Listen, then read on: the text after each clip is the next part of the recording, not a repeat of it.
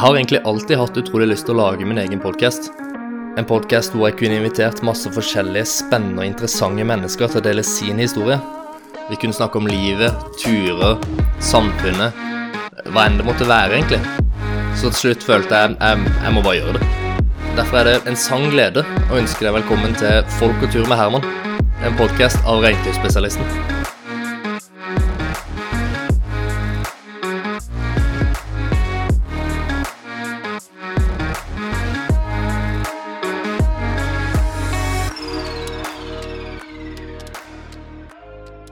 Og der hørte du altså den nye introen til podkasten. Eh, jeg satt og trykka i går og endte opp med å bruke en, fort en, en, en, tre timer på 40 sekunders lydklipp. Men, eh, så jeg er, ikke, jeg er ikke helt proff enda på alt som eh, går med det tekniske.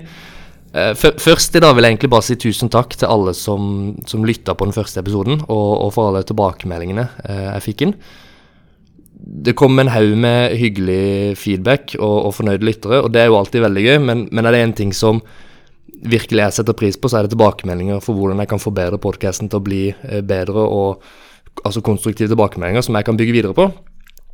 Så en gjenganger som var der, var lydkvaliteten. Så nå har vi sittet og fått nye mikrofoner takket være produsent og sponsor Reintøyspesialisten. Uh, lyden blir mye bedre, men uh, vi sleit litt med tilkoblinga, så nå har vi holdt på i en halvtimes tid og, og fått uh, eh, kobla til. Endelig er vi oppe og går. Men så er det litt, for øvrig litt veiarbeid utenfor her, så hvis det er litt sånn during, så, så må dere bare, uh, må bare beklage for det. Men jeg skal prøve å få fjerna så mye som mulig i redigeringa. Men nok om det her. Jeg har jo med meg en gjest i dag. Velkommen til Karianne. Takk skal du ha. Veldig hyggelig å se deg igjen. Åssen er livet om dagen? Jo, det er uh, bra. Full fres uh, på hjemmebane med en uh, ny sjef i hus som er bikka et år nå. Ja, riktig, riktig. Og det er full rulle og mye turer og alt sammen? Full rulle og høyt aktivitetsnivå. Ja, det er bra. Det er sånn det skal være med, med de små. Men for dere, du, du, og din mann har jo alltid levd et veldig aktivt liv, altså så lenge jeg har kjent til dere. Og da jo, Åssen er det når du har den eh, lille ettåringen som herjer rundt? Du, er dere ute, eller hvordan tilpasser dere hverdagen i forhold til han? Eh, jeg har jo måttet endre litt på hvordan jeg ser på trening og aktivitet etter at jeg ble mamma. Ehm, jeg kan jo bare si at hele livet så har jeg holdt på med trening eh, både for egen del og også i voksen alder som eh, min profesjon, altså mitt yrke. Um, og har alltid hatt mye tid til trening og brukt mye tid på trening. Um, og det er jo noe som har måttet forandre seg nå med som sagt, en ny sjef i hus. Um, så nå er det mer fokus på det å få gjort noe uh, og ha en kontinuitet i det jeg gjør. Uh, Istedenfor at man skal tenke at man skal få gjennomført akkurat den økta som man hadde, man hadde sett for seg, eller at det må bruke, brukes mange timer på trening hver eneste dag, for det, det blir ikke tilfellet nå. Nei, ikke sant. Men for det, det du sier, uh, du kom jo litt inn på det. En, en, av grunnene til at jeg var veldig interessert i å få med deg inn her, er jo rett og slett hva du har eh, altså bl.a. skrevet doktorgrad om og jobba som postdoktor. Kan, kan ikke du fortelle litt om hva du har drevet med tidligere? Eh, jo, eh, som sagt så har jeg hatt dette med trening som interesse og profesjon eh, nå i voksen alder, eller senere tid. Og fra jeg begynte å studere, så begynte jeg på idrett grunnfag eh, fordi jeg egentlig ikke visste hva jeg ville, og jeg tenkte at jeg skulle ta meg et friår, da, og ha det gøy. Eh, og så var det såpass gøy at det ble noe jeg ville bygge videre på, eh, og tok en master i idrettsvitenskap. Og det var veldig prestasjonsretta. Da, da, målte vi fettforbrenning på godt trente menn på, på tredemølle, og det var veldig sånn prestasjonsfokus, da. Eh, men så fant jeg ut at det, det som egentlig interesserer meg, det er uh, mer de derre uh, endringene som man kan gjøre på folkehelsenivå, altså litt mer helseretta enn prestasjonsretta. Så når jeg fikk tilbud om å, om å ha en prosjektstilling på Sørlandet sykehus, på kreftavdelingen der, Eh, så var det noe jeg var veldig interessert i, og, det var da et prosjekt som skulle undersøke dette med livsstilsendringer for personer med kreft. Men hva, hva, hvordan gikk du fram da? Hva, hva var det innebar?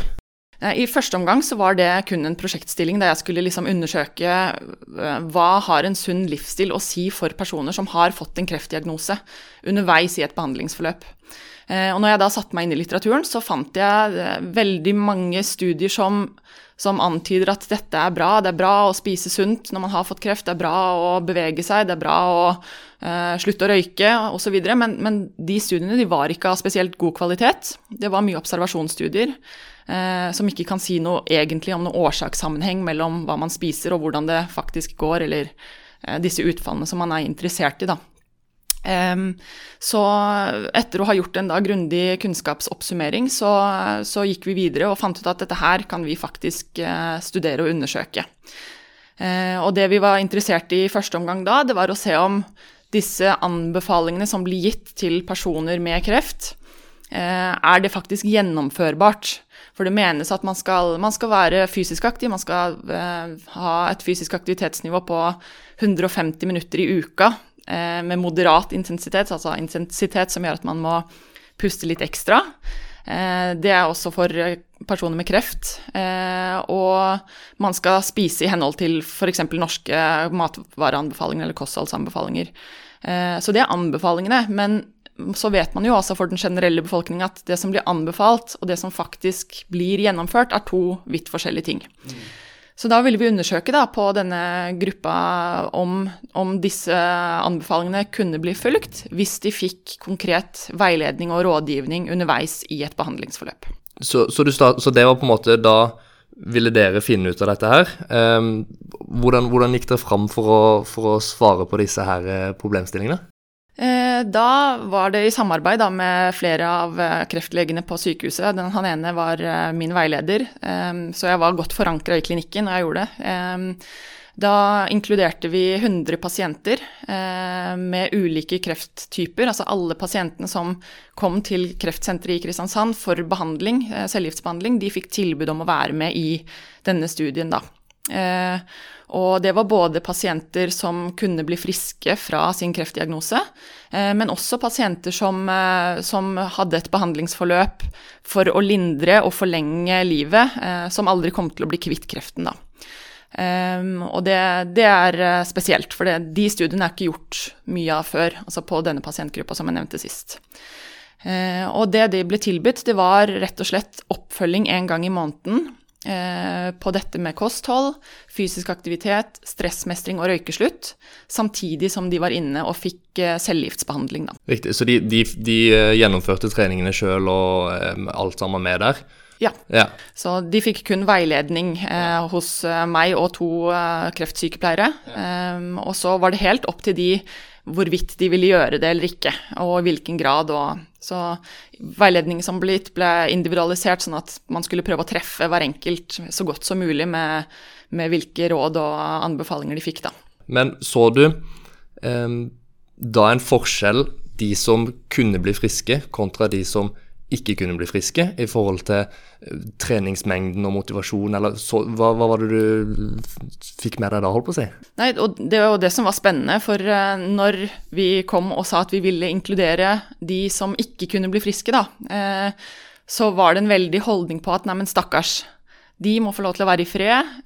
ikke rør disse pasientene. De har mer enn nok med å forholde seg til sykdommen sin, for de er i en krise i livet. Eh, men vi sto på vårt, og jeg er veldig glad for at vi sto på vårt. Eh, og fant rett og slett at de som ikke kunne bli friske av sin diagnose, det var de som virkelig satte pris på å få en sånn type veiledning. Eh, vi gjennomførte dybdeintervjuer, altså vi intervjua en gruppe pasienter både med en kreftform de kunne bli friske fra, men også av de som da ikke kunne bli friske. Og da fant vi nettopp det at de som kunne bli friske, de satt dette her litt på vent, for at de hadde jo et perspektiv om at når jeg blir ferdig med behandlingen, så er jeg frisk. Og da kan jeg begynne med å leve sunt og spise grønnsakene mine og, og gå den turen. Eh, men det perspektivet fins jo ikke når man aldri kommer til å bli kvitt en sykdom.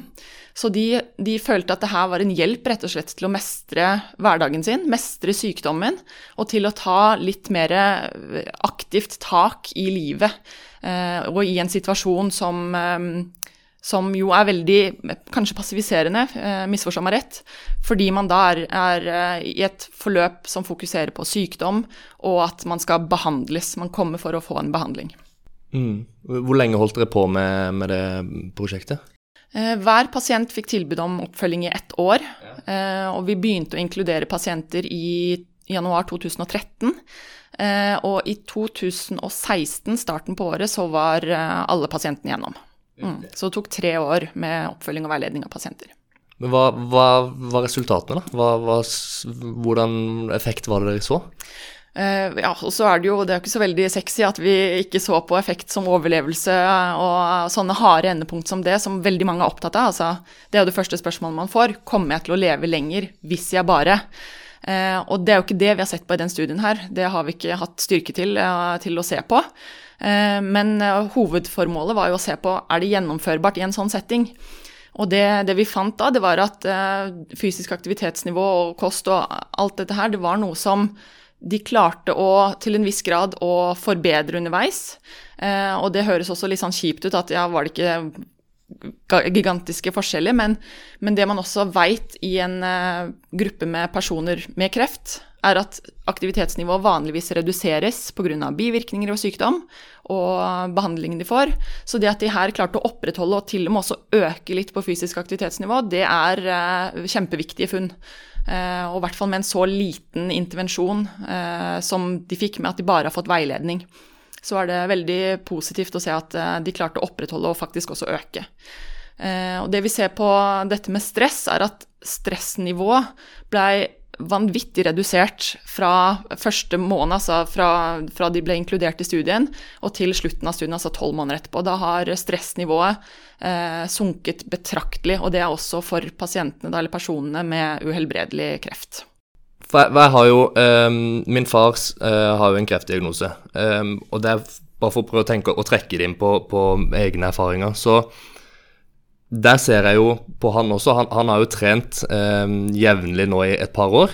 Uh, og ser virkelig at han bare Ok, det fysiske, det er én ting det at han får det fysiske, men, men, alt det det gjør for resten av hele hans kropp, da, med det mentale og alt som er rundt. Så, så jeg tenker jo det må jo Uansett for absolutt alle må det jo være kjempepositivt å bare kunne trene eh, og komme seg ut. Men hva, hvordan tenker du eh, Nå vet jeg ikke om dette er noe eh, det så på, men styrketrening kontra eh, hvis du f.eks. hadde løpt, da? Hva, hvilke forskjeller tror du hadde vært der?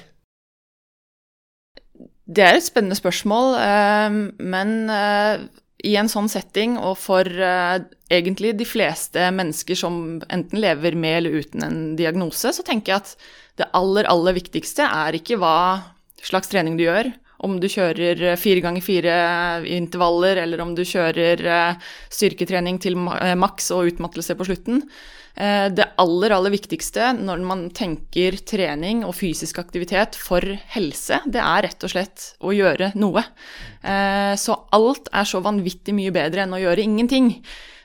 Og det er også det jeg har prøvd å formidle gjennom det å jobbe med mennesker, er at eh, ikke vær så Altså hvis du hater å løpe intervaller, så hvorfor i alle dager skal du begynne å løpe intervaller da? Eh, det holder kanskje til én eller to, eller kanskje tre gode treningsøkter, men så vil jo det være noe som du ikke kommer til å holde med på på sikt.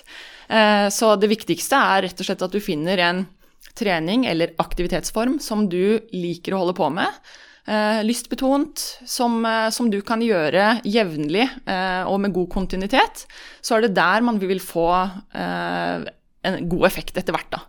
Og selvfølgelig, det er jo forskjell på da en toppidrettsutøver og den vanlige mann på gata, men for de fleste som trenger å komme i gang, så, så er lystbetonthet det viktigste. At man finner noe som man kan gjøre jevnlig.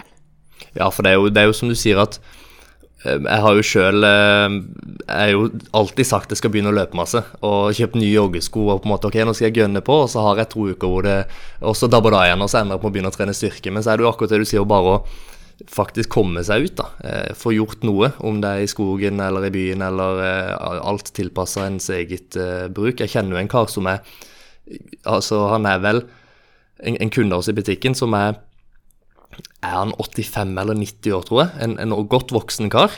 Eh, og han sykler, tror jeg, bare hjemmefra, han bor borte på Lund, og ned til byen, det, det, er nesten alt han gjør av fysisk aktivitet. Men han, han holder seg kjempegodt, for, måte, for han er det såpass mye, da. Eh, veldig interessant det du sier der, altså. Og da må, jeg må bare spørre et spørsmål tilbake da, til ja. verten av denne podkasten. Uh, hvordan er det du da setter i gang når du skal løpe? Når du da full av iver kjøper deg nye joggesko og har investert litt gode penger i uh, godt utstyr, og nå er jeg motivert. Hvordan, kan jeg spørre, hvordan er det du setter i gang uh, løpeeventyret ditt da? Nei, altså jeg har jo um, tidligere spilt masse fotball og alltid vært i god fysisk form, så hodet mitt vil jo alltid gå mye lenger enn det kroppen vil. Men jeg, jeg prøver å starte litt rolig. og Eh, løpe i skogen og faktisk tenke litt over det. Ok, jeg skal ha det gøy, jeg hører på podkast og um, skal ha en artig tur. Um, så jeg har en fast runde på, på Lund som jeg løper. Og så blir jeg jo grisestøl første turen. Og så går det tre-fire dager, og så løper jeg en runde igjen. Og så egentlig bare rolig dabber det, dabber det av, for jeg rett og slett syns at det er, koster meg så mye å, å, komme i det på det nivået jeg var før. Så jeg, jeg, det er nok en Nei, jeg vet ikke helt hva som, hva som skjer. Så Har du noe råd? Hvordan er, på en måte, er det bare å kutte det helt, eller burde jeg starte på et annet, annet vis? Nei, For deg, du er jo en sprek type, så jeg tipper jo at du får jo trent uh, uansett. Men hvis du har lyst til å komme i gang i en god løpeform igjen, så tenker jeg kanskje du skulle halvert uh, runden din når du begynner. At ja. du trenger kanskje ikke å tenke, tenke at det har vært en mislykka tur hvis ikke du fullfører hele runden, eller hvis du Eh, hvis du på en måte må gå litt i oppoverbakkene, så er ikke det noe krise. Nei, nei. Eh, det viktigste er å starte der man er nå, og hvis det er en stund siden man har løpt, hvis man er helt ny på eh, en type aktivitet, så vil man ha en god progresjon. men det er det om å være tålmodig og kanskje starte litt lavere eh, og litt mer realistisk eh, med noen små mål, eh, enn å skulle gønne på å løpe maraton i løpet av en uke, liksom. Mm. Så rett og slett kontinuitet, det er, det er nøkkelen? Kontinuitet og små nok mål tenker jeg er viktig. Mm. Jeg, så jeg, jeg, tror jo at um, jeg, jeg, skal gi det et nytt forsøk. Skal uh, gønne på rolig med å starte um, kortere heller med, med løpinga. Men uh, jeg kjenner nok at det blir nok uh, styrketreninga som er min, min store lidenskap der. Der har jo for så vidt du òg noe erfaring. Kan ikke du fortelle litt om hva du har holdt på med der? Etter eh, doktorgraden min så dro jeg til Eller har jeg hatt litt uh, ulike småjobber imellom, da. Men uh, i uh, høsten 2018 så fikk jeg tilbud om å komme til Sverige på sånn, et forskeropphold, en postdoktjeneste, Der vi skulle undersøke hva som skjer i muskulaturen når man får cellegift. For man vet at cellegift det, det, gir mange forskjellige bivirkninger, og deriblant går det direkte inn på muskulatur og bryter ned muskulatur. Så vi ville undersøke hva, hva det er som faktisk skjer i musklene. Eh, så vi eh, inkluderte da kvinner med brystkreft, som skulle da ha eh, cytostatikabehandling. Eh, og delte de inn i Det er da altså, Hva kalte du det? Cytostatika, det er cellegiftsbehandling. Ok, riktig. Så de skulle under intens behandling. Eh, og da, da, delte vi damene som vi inkluderte inn, altså 40 damer, inn i to grupper. En gruppe skulle få behandling som vanlig og bare fortsette sitt aktivitetsnivå. Og den andre gruppa den skulle få behandling, eh, men samtidig så skulle de få trene styrke, hard styrke, to ganger i uka.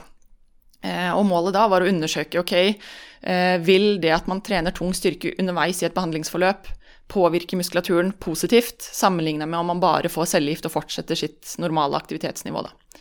Eh, og da undersøkte vi det ved å ta en liten prøve av lårmuskelen.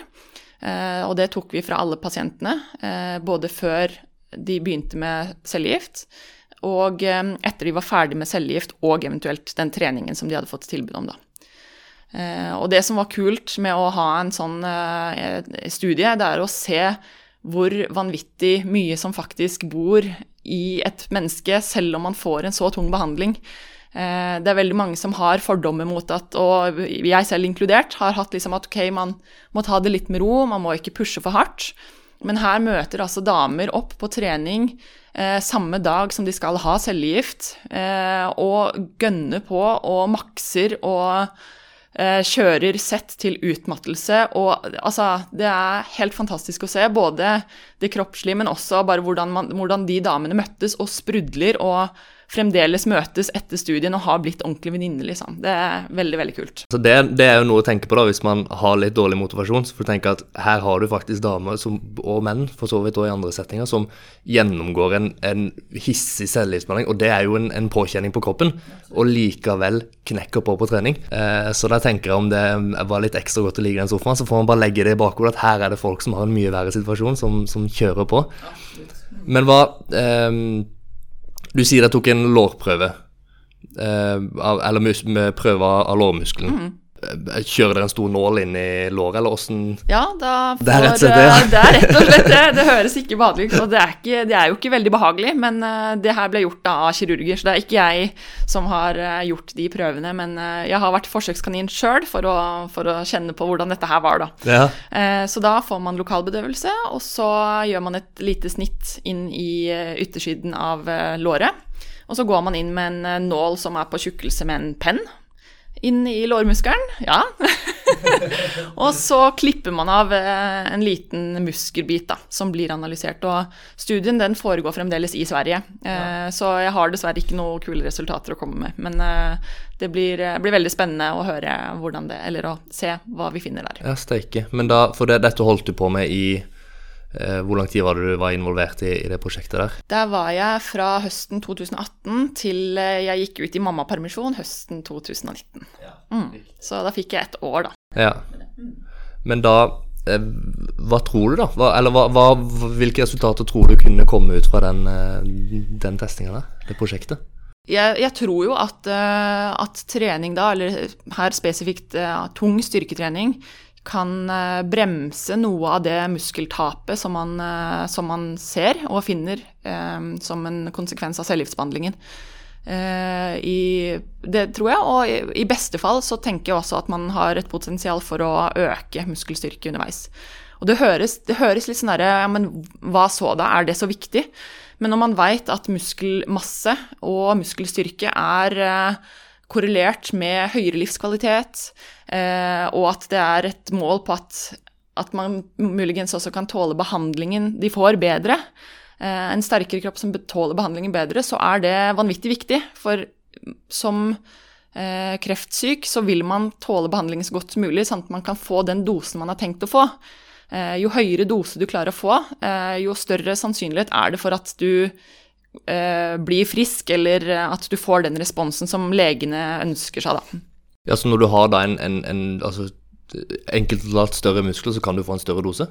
Eh, nei, ikke, ikke, nødvendigvis, men hvis du eh, Man ser det i studier at de som trener med høy intensitet, og de som trener i det hele tatt, eh, de tåler rett og slett behandlingen bedre. Og hvor den mekanismen, eller hva det skyldes, det, det vet man ikke helt ennå, men, men det er jo jeg tenker jo at det er jo en sterkere kropp som klarer å stå imot behandlingen bedre, for behandlingen bryter jo kroppen ned. Så det å ha en kropp som er rusta til den behandlingen som man skal få, det er, eh, er positivt da, og gjør at man kan tåle behandlingen bedre. Utrolig fascinerende med kroppen, altså. Det er alt som, alt som eh, foregår, og tilpasninger og hele den greia der. Jeg skjønner godt du syns det er spennende å holde på med dette, altså. Ja, absolutt. Veldig givende. Mm. Men du, for nå er du jo eh, nå som du er, Når du er ferdig med, i mammaperm, så er jo Du, har, du snakka jo til meg litt på forhånd at eh, er det en ting du virkelig ønsker å bidra med her i byen, så er, så er det trening for mennesker med kreft. Um, hva, har du, hva, har du, hva, er det neste prosjektet du har lyst til å begi deg ut på nå? Nei, Det er jo rett og slett det, da. Å, å få til et ordentlig trenings- eller fysisk aktivitetstilbud eh, for personer som gjennomgår kreftbehandling.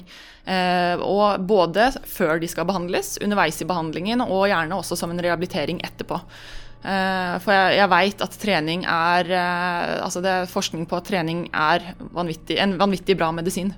Så, så det, er jo, det, er jo, vanskelig å få til som én person, men jeg har et lite nettverk her nede som jeg prøver å spille på lag med, og, og at vi prøver å få i gang noen ting på Eller det hadde vært veldig gøy og interessant å få i gang noe på sykehuset som, som gjør at det her er noe som, som oppfattes av pasientene som en del av behandlingen.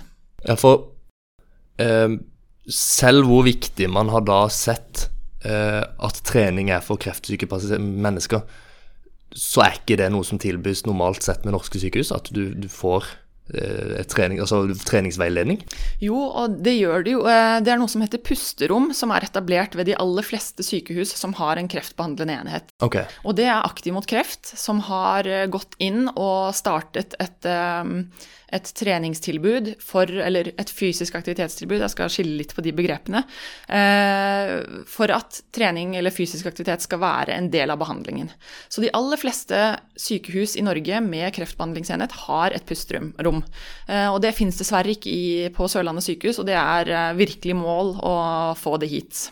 Ja, det syns jeg vi må få ordna, rett og slett. For det her er jo eh, noe man bør ha. Eh, jeg kjenner, jeg, kjenner, jeg blir sånn tom for ord nesten når man, når man tenker at det er såpass viktig, og likevel så, så er det ikke noe som har blitt, eh, blitt prioritert ennå.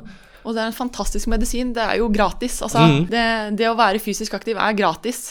Eh, og det har jo ingen, altså det har ingen bivirkninger. Det er noen få kontraindikasjoner for uh, å trene når man er kreftsyk og under behandling, men, men, uh, men trening er noe som koster lite, og det er bra, og det har ingen bivirkninger. Det er en av de beste medisinene vi har. Så, så det er derfor jeg ønsker at den også skal tilbys, uh, ikke bare til personer med kreft, men andre kroniske lidelser også. Mm. Jeg har jo, jeg føler vi, vi må fortsette litt videre. eh, selv om jeg for min del så kunne jeg gjerne snakka med det her eh, i mange, mange timer, for det er jo kjempeinteressant. Eh, men vi må litt inn på, på deg også, og snakke litt om eh, eh, ditt forhold til, til det å være utendørs. Du er jo, eh, jeg vet jo at du er jo masse ute og, og drar med unge og mann og, og i alt mulig vær. Jeg vet, eller om dere drar ungen, eller er det han som drar med dere? Det, begge deler. Men hva, hva er det beste altså Hva syns du er det aller beste med å være ute? Så har du sagt noe med helsegevinstene, men uh, ok, hvis jeg vrir litt om på hva, hva er det Husk at din perfekte dag ute, hva, hva har den dagen bestått av? Vi hadde faktisk en sånn dag på søndag. Ja, det Eh, ja, det var helt nydelig høstvær. Eh, han minste i huset han hadde bestemt seg for å holde show fra klokka halv fire på natta. Så da starta dagen vår. Eh, og da er det jo fort gjort å tenke at nei, men denne dagen er ødelagt.